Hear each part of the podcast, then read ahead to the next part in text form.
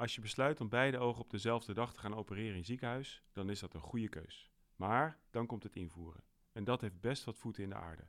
Dan is het handig om van ziekenhuizen te leren die dat traject al eerder hebben doorlopen.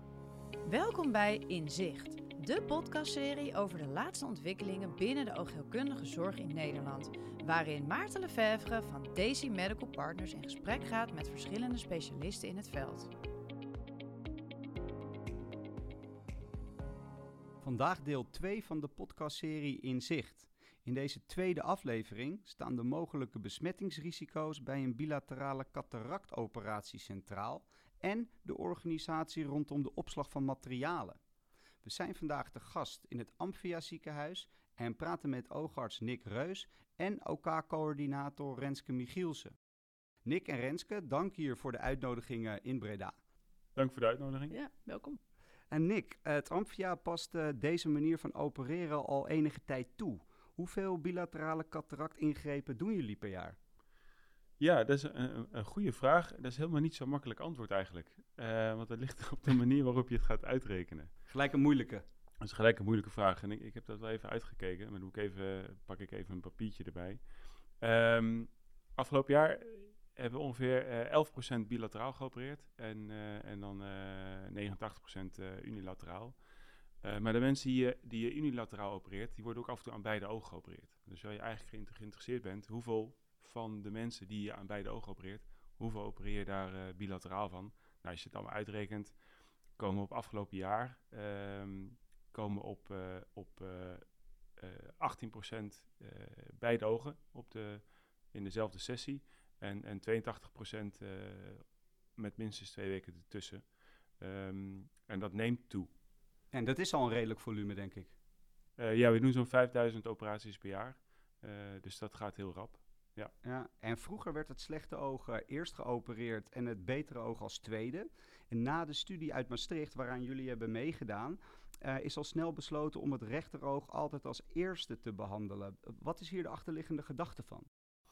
Ja, van oudsher inderdaad het, het slechtste oog eerst. Uh, dat is van vroeger uit een beetje een, een proefoog uh, gedaan, hoorde je wel eens.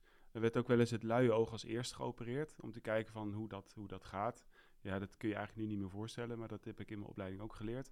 Dat pakt af en toe slecht uit, hè, omdat je, als je het amblyope oog kon opeens beter worden dan het goede oog. En dan moest je heel snel het goede oog opereren om geen uh, hinderlijke dubbelbeelden te krijgen. Ja.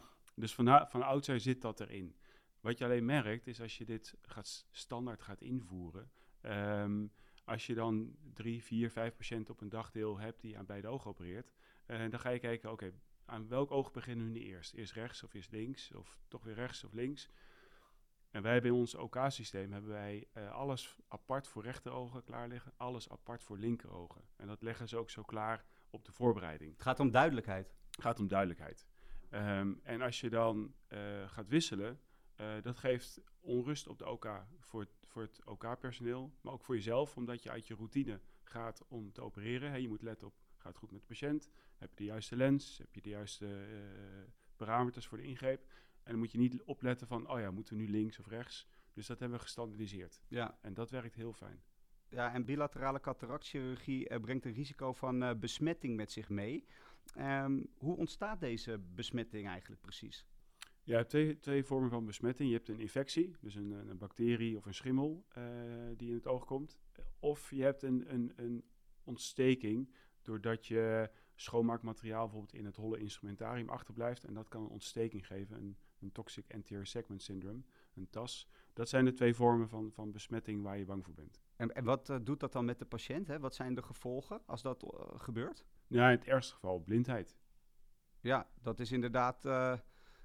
Best erg. al gelijk een, een heftig gevolg. Ja. Ja, en um, um, uh, mocht een patiënt besmet raken, hoe di dient een oogarts dan te handelen?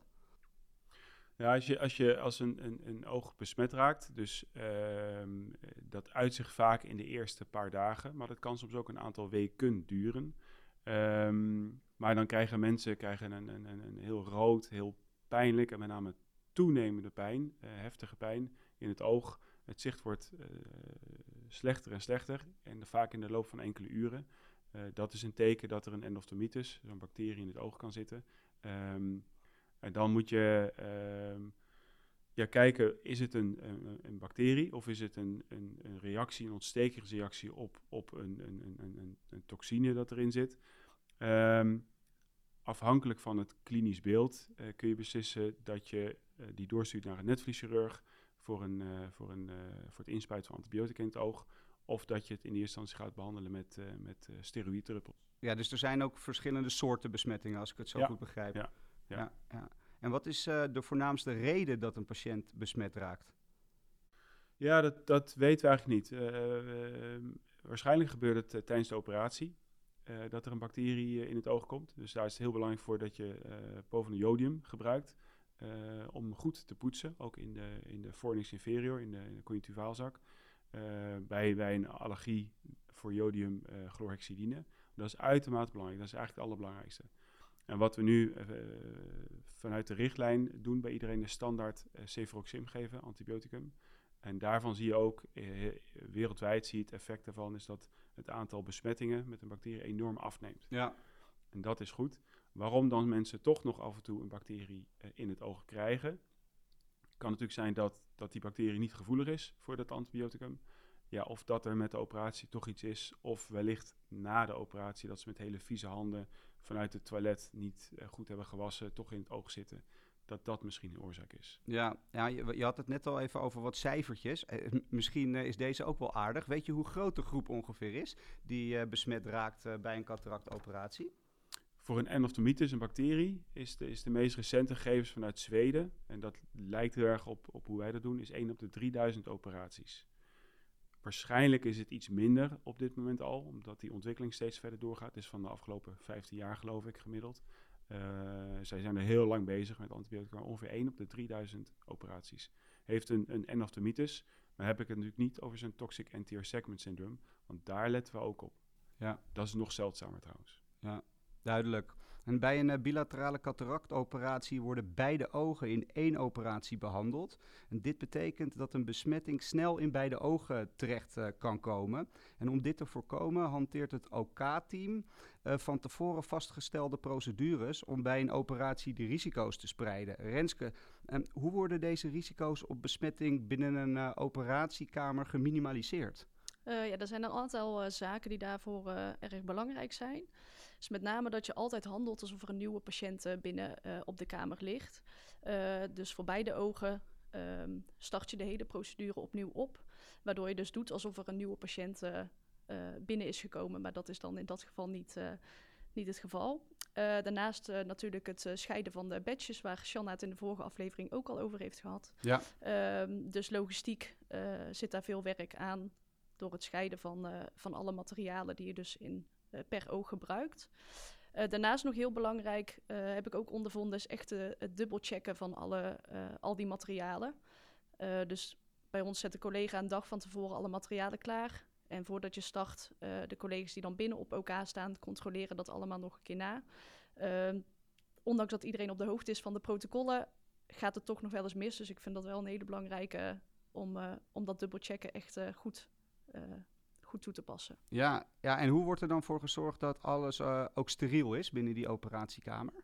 Uh, ja, dat is eigenlijk standaard protocol, uh, wat je ook voor een unilaterale OK doet natuurlijk. Eigenlijk altijd bij elke willekeurige operatie. dus apparatuur vinden controles plaats, komt voor een protocolleverancier en medisch techniek. Controle van de luchtbehandeling uiteraard voordat je een OK start uh, controleer altijd dat de luchtbehandeling in orde is. Geeft dit een foutmelding aan, dan mag je absoluut niet starten met een operatie. En controle steriele materialen. Je controleert altijd of een verpakking uh, in orde is. Dus dat er geen gaten in zitten, geen scheuren in de verpakkingen. En dit is eigenlijk een standaard check voordat je met elke OK start. Dus aan het begin van het, uh, van het programma. Ja, dus dit is echt wat je nu beschrijft voor de operatie? Ja, ja, ja, ja, ja. En hoe worden alle medical, of hoe wordt eigenlijk nagegaan of alle medical devices aan de kwaliteitsstandaarden voldoen? Ja, dat is dus door die controles conform protocol van de leveranciers en de medische techniek. Dus dat uh, ja. ja, is een combinatie of ja, contact eigenlijk tussen uh, onze medische techniek en de leveranciers. Uh, daar zitten bepaalde kwaliteitsstandaarden inderdaad aan. Van bepaalde controles, hoe vaak die moeten plaatsvinden. Uh, dit wordt dan door medische techniek uh, uitgevoerd, uh, maar ook regelmatig komt dan de leverancier langs om die controles uit te voeren. Eh, dus daar zitten bepa- bepaalde afspraken aan verbonden, maar die eh, worden altijd standaard eh, gewoon uitgevoerd. Ja, en, en Nick, op welke manier kan een oogarts tijdens een eh, operatie al opmerken of er sprake is van een besmetting? Niet. Niet. Totaal niet. Nee, dat, dat is het lastige.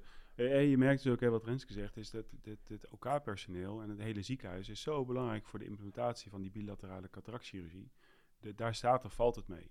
Eh, dus, dus als oogarts eh, eh, doe je beide operaties, maar je bent heel erg afhankelijk van je OK-personeel. Dat, is echt- dat is echt goud waard. Ja, die samenwerking eh, is dus heel belangrijk. Ja. Jazeker. Ja, en eh, mocht het nou wel gebeuren, hè, wat zijn dan de korte en de lange termijn gevolgen van een besmetting voor de patiënt? Ja, als, je, als je een bacterie in het oog hebt, ehm, ja, dan gaat die patiënt eh, slechter zien. Eh, de helft, ik moet altijd even denken aan die getallen, daar ben ik heel slecht in, maar ongeveer de helft die, die blijft echt slechtziend. Eh de helft van de mensen die, die eh, ziet nog redelijk, eh, afhankelijk of je je eh, indicatie voor een staaroperatie eh, niet te strikt hebt gesteld. Ehm, bij een toxic anterior segment syndrome eh, kan dat wat beter zijn als je, als je goed handelt. Eh, maar het kunnen ernstige gevolgen hebben. Ja. Ja, nou, dit benadrukt maar weer hoe belangrijk eh, het proces en jullie samenwerking is. ja, precies. Maar dat, dat maakt ook hè, dat je. Er wordt wel eens, ge- er wordt wel eens wisselend naar gekeken. Hè. Bij de introductie van de, van de richtlijn zag je eigenlijk twee dingen. Eén, oogarts die zeiden: nou, hoe kan dat nou dat we dit gaan doen? Ehm, en er waren oogartsen die zeiden: joh, waarom moet dat nou allemaal zo strikt? Eh, kan dat niet wat losser? En eh, voor beide eh, voel ik wel wat, begrijp ik die opmerkingen. Als je 30 jaar oogarts bent en altijd hebt geleerd dat je minstens een paar weken tussen beide ogen moest hebben, het slechtste oog ook als eerste moest opereren, en dan opeens ga je dat totaal veranderen, ja, dat is moeilijk, kan ik me voorstellen. Aan de andere kant, hoeveel, want de implementatie van zo'n proces in je ziekenhuis, dat kost veel tijd voor iedereen, ontzettend veel opletten. Eh, dat kost extra geld, je moet alles gescheiden hebben, andere logistiek. Eh, is dat nuttig, als het ware? Ehm, wat we ook vanuit de, de ziekenhuisapothekers eh, kwam een, een, een, vraag daarover naar het eh, NOG toe. Van joh, is dat nou wel nodig? Hè? Moeten we, er, zijn geen besmettingen geweest de laatste jaren in Nederland. Dat, dat komt niet voor.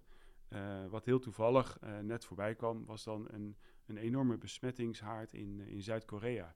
Ja, Eh, er was uh, viscolasticum gebruikt. Dat is een uh, gelei die we tijdens de operatie in het oog inspuiten om het oog even op, op spanning te houden. En dat was een enorme uitbraak van schimmels in die viscolastica. Waarbij echt honderden patiënten blind zijn geworden daaraan. Waarvan een, een, deel ook aan beide ogen was geopereerd met hetzelfde viscolasticum. Die dus in beide ogen blind zijn geworden daardoor. Dus ook in een land, Zuid-Korea is geen achtergesteld werelddeel. Dat is een, een, een, een, enorm moderne geneeskunde voeren ze daar. Uh, goede, goede apparatuur, goede technieken. Um, en daar zie je dat als je dat protocol niet strikt volgt en je hebt ongeluk, dat er toch, ook in een land als, als Korea, zoiets gebeurt, ja, dan, dan ben je de sjaak. En dat is het belang om die bedjes te scheiden. Ja, ja, dat kan ik me heel goed voorstellen. Jij zei er net al wat over, hè? want er is een brief gestuurd van het uh, NOG richting de Nederlandse Vereniging uh, van Ziekenhuisapotheken, waarom het nodig is om met verschillende badges te werken. Je gaf net al een beetje aan wat het uh, belang is. Uh, valt er nog iets op toe te lichten? Ja, wat natuurlijk ook is, is het, het is, het, het is lange tijd omstreden geweest om beide ogen op dezelfde dag te opereren. Dus het werd wel eens, als mensen onder narcose moesten, werd dat wel eens gedaan, omdat je dan iemand onder narcose brengt. Uh, ja, dat geeft uh, extra risico, zeker als iemand dement is bijvoorbeeld, of syndroom van Down heeft. Dan wil je die eigenlijk maar één keer naar het ziekenhuis brengen, die traumatische ervaring geven. En dan werd wel eens beide ogen op dezelfde dag geopereerd. Moest je goed noteren in je dossier, want je week echt af van de richtlijn. En dat was echt wel een dingetje. Um, nu we dat veranderen, uh, is het erg van belang dat het ook een groot succes wordt. Hè? Dus dat we niet, terwijl we dit aan het opstarten zijn, al gelijk stranden met allerlei bilaterale infecties. dat zie je bijvoorbeeld in Portugal is dat gebeurd. Daar waren, we doen ook bilateraal injecties in de ogen voor maculadegeneratie. Ja. Dat doen we al jaren. Um, daar, daar is grappig genoeg, of gek genoeg, is daar veel minder over te doen geweest. is ook niet te behappen als je dat gaat, gaat scheiden. Maar in Portugal zijn er een aantal uh, bilaterale besmettingen geweest. En dat is in de media breed uitgemeten. En daar mag niks meer uh, bilateraal gebeuren. Is helemaal over en uit. Enorme impact. Eén voor je intravitreale injecties. Dus die mensen moeten elke maand een injectie in hun oog. Dat wordt elke twee weken. Uh, want dat moet een tussen, tussenpoos. Die mogen niet op dezelfde dag. Dus dat heeft enorme consequenties. Voor de patiënt ook. Voor de patiënt, ja. ja. Um, en dat maakt, en, en bilaterale cataractchirurgie is helemaal uit en boven ze daar nu. Um, dus dat maakt het zo belangrijk dat we dit heel goed en veilig uh, doen. Um, met de tijd is het idee hè, dat je dat opvolgt en kijkt hoe gaat dat nou. En hè, je moet het één keer in de zoveel tijd tegen het licht houden. Uh, gezien de recente besmettingen in Zuid-Korea, vanwege die viscolastica, verwacht ik niet dat we heel snel dat moeten gaan veranderen omdat het echt een risico is. Ja, maar tot op heden gaat het, uh, gaat het, gaat het hier goed. Ja. Uh, Renske, um, hoe is het proces ingericht om het instrumentarium per oog uh, in een verschillende batch te steriliseren? Ja, daar zijn wat wijzigingen in geweest, ook bij ons. in eerste instantie zijn wij daarmee begonnen door verschillende sets van verschillende data te gebruiken, dus verschillende sterilisatiedata dit werkte voorheen tijdens de studie, vooral toen ik nog meedeed aan de studie, werkte dit nog wel, omdat de aantallen toen erg laag nog lagen. Toen wij een toename zagen in de bilaterale cataractaanvragen, werd dit lastiger, omdat wij hier niet altijd meer aan konden voldoen, omdat we niet altijd die sets van verschillende sterilisatie, sterilisatiedata op, op voorraad hadden, helaas.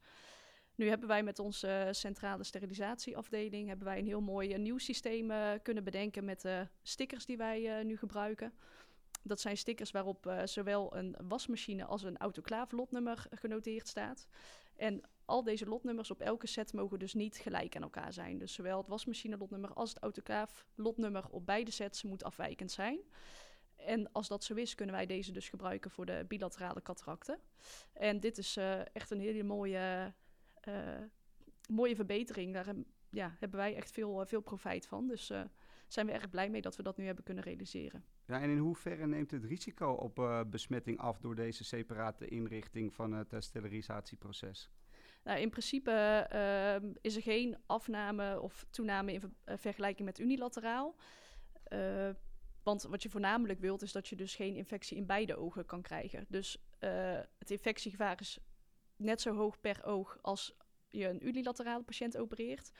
Alleen de kans op een infectie in beide ogen is aanzienlijk kleiner. Ja, dat, dat infectie op, op in één oog is 1 op 3000 ongeveer. Uh, als je dat uh, zo doet zoals wij dat doen en zoals dat ook in de richtlijn beschreven is, dan is infectie in beide ogen is 1, 1 op 3000 keer 1 op 3000. Dan zit je op ongeveer 1 op een miljoen. Ja. De schattingen zijn dat het richting 1 op de 70 miljoen kan uh, kan gaan tegenwoordig met de huidige maatregelen. Maar we, we, zeggen 1 op de miljoen. Dus dan verklein je de kans van 1 op de 3000 dat je in beide ogen een infectie hebt en blind kan worden naar 1 op de miljoen. Ja, dat is heel klein. Dat is uh, praktisch verwaarloosbaar, zou Precies. je bijna zeggen. Hè? Ja, uh, Renske, hoe ziet het logistieke proces van de aanlevering en opslag van de operatiematerialen en instrumentarium eruit voordat het in het ziekenhuis ligt? Uh, ja, dan kan ik voornamelijk uh, uh, aangeven hoe dat eruit ziet vanuit zeg maar, goederenontvangst, dus waar het geleverd wordt, totdat het bij ons in de voorraad ligt op onze eigen OK. Ehm, dat wordt, het gaat dus via goederenontvangst gaat het naar ons ziekenhuismagazijn. Een deel van onze ehm, artikelen worden hier ook deels opgeslagen. Er zijn er een aantal die gewoon meteen de volledige voorraad naar ons eigen voorraad op OK gaat. Um, het deel wat opgeslagen ligt in het ziekenhuismagazijn, uh, daar hebben ze dat dus ook gescheiden per batch. Dus ons logistiek personeel die daar staat, die scheiden dat meteen bij binnenkomst. En zodoende hebben we dus verschillende plekken waar dus aan de ene kant staat, staat de linker badge en aan de andere kant staat de rechter badge. Dus dit wordt in het magazijn al meteen van elkaar gescheiden. Het fijne bij ons is dat datzelfde personeel ook de voorraad bij ons op elkaar doet. Dus uh, dit maakt het voor ons erg makkelijk in contact met hen. En zij weten dus ook precies hoe ze het vanuit het ziekenhuismagazijn bij ons in de voorraad moeten scheiden. Dan zijn er dus ook een aantal artikelen die dus meteen bij ons in de voorraad uh, terechtkomen volledig. En daar worden ze dan ook weer uh, doorheen gescheiden.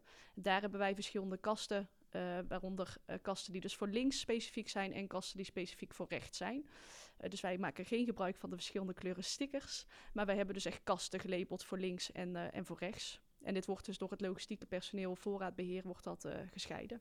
Ja, ja je, je, noemt het al, hè, het ziekenhuispersoneel. Op welke manier worden artsen, verpleegkundigen en andere ziekenhuismedewerkers opgeleid om goed met de nieuwe bilaterale werkwijze om te gaan? Ja, dat is eigenlijk langzaamaan bij ons eh, gestart toen ik met de studie eh, begon. Eh, ja, toen werd dat nog langzaamaan natuurlijk door ons ingestart. Dus kon iedereen eigenlijk die daarbij bij stond en die daarvan op de hoogte moest zijn, kon daarvoor getraind worden. Eh uitgebreid uitleg over krijgen hoe ze dat moesten aanpakken. En zodoende konden we eigenlijk vanaf het moment dat, die, dat het officieel en alle artsen gebruik gingen maken van de bilaterale cataracten, was iedereen al zodoende getraind en geschoold dat eh, iedereen wist wat de werkwijze was. En daardoor eh, eh, dat ook mooi kon uitvoeren. En ja, wij scholen onze doktersassistenten intern tot OK-assistenten bij ons op de OK voor de staroperaties. Daar hebben wij dan een cataract, cataractscholing voor, waaronder Niek eh, geeft die. En daarbij zal hij nu, denk ik ook nu dat bilaterale eh, stukje officieel is, dat ook wel vermelden in de, in de cataractscholing, denk ik. Ja, waarbij denk ik het toch het meeste eh, eh, door, door jou, Renske, gedaan moet worden. Ehm, omdat die logistiek, die, die zien wij niet als oogarts. Nee. Wij, wij zien het eindresultaat. Maar immens belangrijk. ja, want, want eh, Renske heeft ontzettend veel werk aan om, om dat te bewaken, dat proces. Want je moet ontzettend goed opletten dat iedereen dat ook goed voor ogen heeft en dat ze het goed scheiden. Ehm, en er zijn ook veranderingen. En af en toe is er een medicijn niet leverbaar. Of is er iets anders niet leverbaar, of er gebeurt er iets en er verandert er iets. Andere medewerkers, iemand is op vakantie. Ehm, dus het is echt een continu proces eh, waar Renske heel veel tijd in steekt om dat up and running te houden. En, ehm, en dat merk je wel. Het klinkt heel makkelijk, hè, voor, voor, dat je denkt, oh, we gaan bilaterale cataractchirurgie doen. En het is fantastisch, patiënten vinden het geweldig. Eh, maar het is achter de, achter de schermen is het echt wel, eh, echt wel wat werk. Ehm, e- en eh, vanuit Maastricht eh, is er, eh, is, krijgen ze een, een subsidie komende twee jaar voor een, een ZON-MW-project. Ja. voor de implementatie van, van bilaterale cataractchirurgie. Ik zal daar een beetje een, een, een soort adviserende rol ook, ook in gaan, in gaan vullen. Ehm, maar dat is omdat het voor ziekenhuizen best lastig is om dit van de grond te krijgen en om te onderhouden. En eh, ik denk dat dat heel nuttig is om, om, om zo'n traject eh, te hebben in Nederland. Hè, dat je echt gewoon goede informatie kan geven en ondersteuning. Eh, veel ziekenhuizen komen ook bij ons kijken van, eh, van hoe doen jullie dat? Hoe hebben jullie het georganiseerd? Eh, wat zijn tips? En eh, ja, eh, mensen zijn ook in het algemeen wel welkom bij ons. Ja. Zeker, zeker. Nou ja, maar ook eh, kunnen jullie denk ik ook trots op zijn hè, om zo'n voorloper te zijn. Ja. Ehm, ja, we zijn eh, al aangekomen bij het eh, laatste onderdeel van de podcast. En dat gaat, eh, we willen dan graag altijd de doelgroep een tip meegeven. Jullie hebben er al heel veel gegeven, maar ehm, ja, als je een tip mee mag geven aan oogartsen, wat zou dat dan zijn rondom dit onderwerp? Een tip is dat ehm, besef dat het heel veilig is. Het is met de huidige eh, technieken en de afspraken die er zijn, is beide dag op dezelfde dag opereren net zo veilig als eh, apart. De meeste patiënten vinden het fantastisch en eh, biedt het ze aan. Het is geen moeten. Dus er zijn ook mensen die zeggen: Ik heb dat liever niet, dokter. Geen probleem. Dat is, dat is belangrijk. En het is belangrijk dat de oogarts er ook achter staat. En dat kan best voor de een, kan dat sneller, ja, kunnen ze daar zich in vinden dan de ander.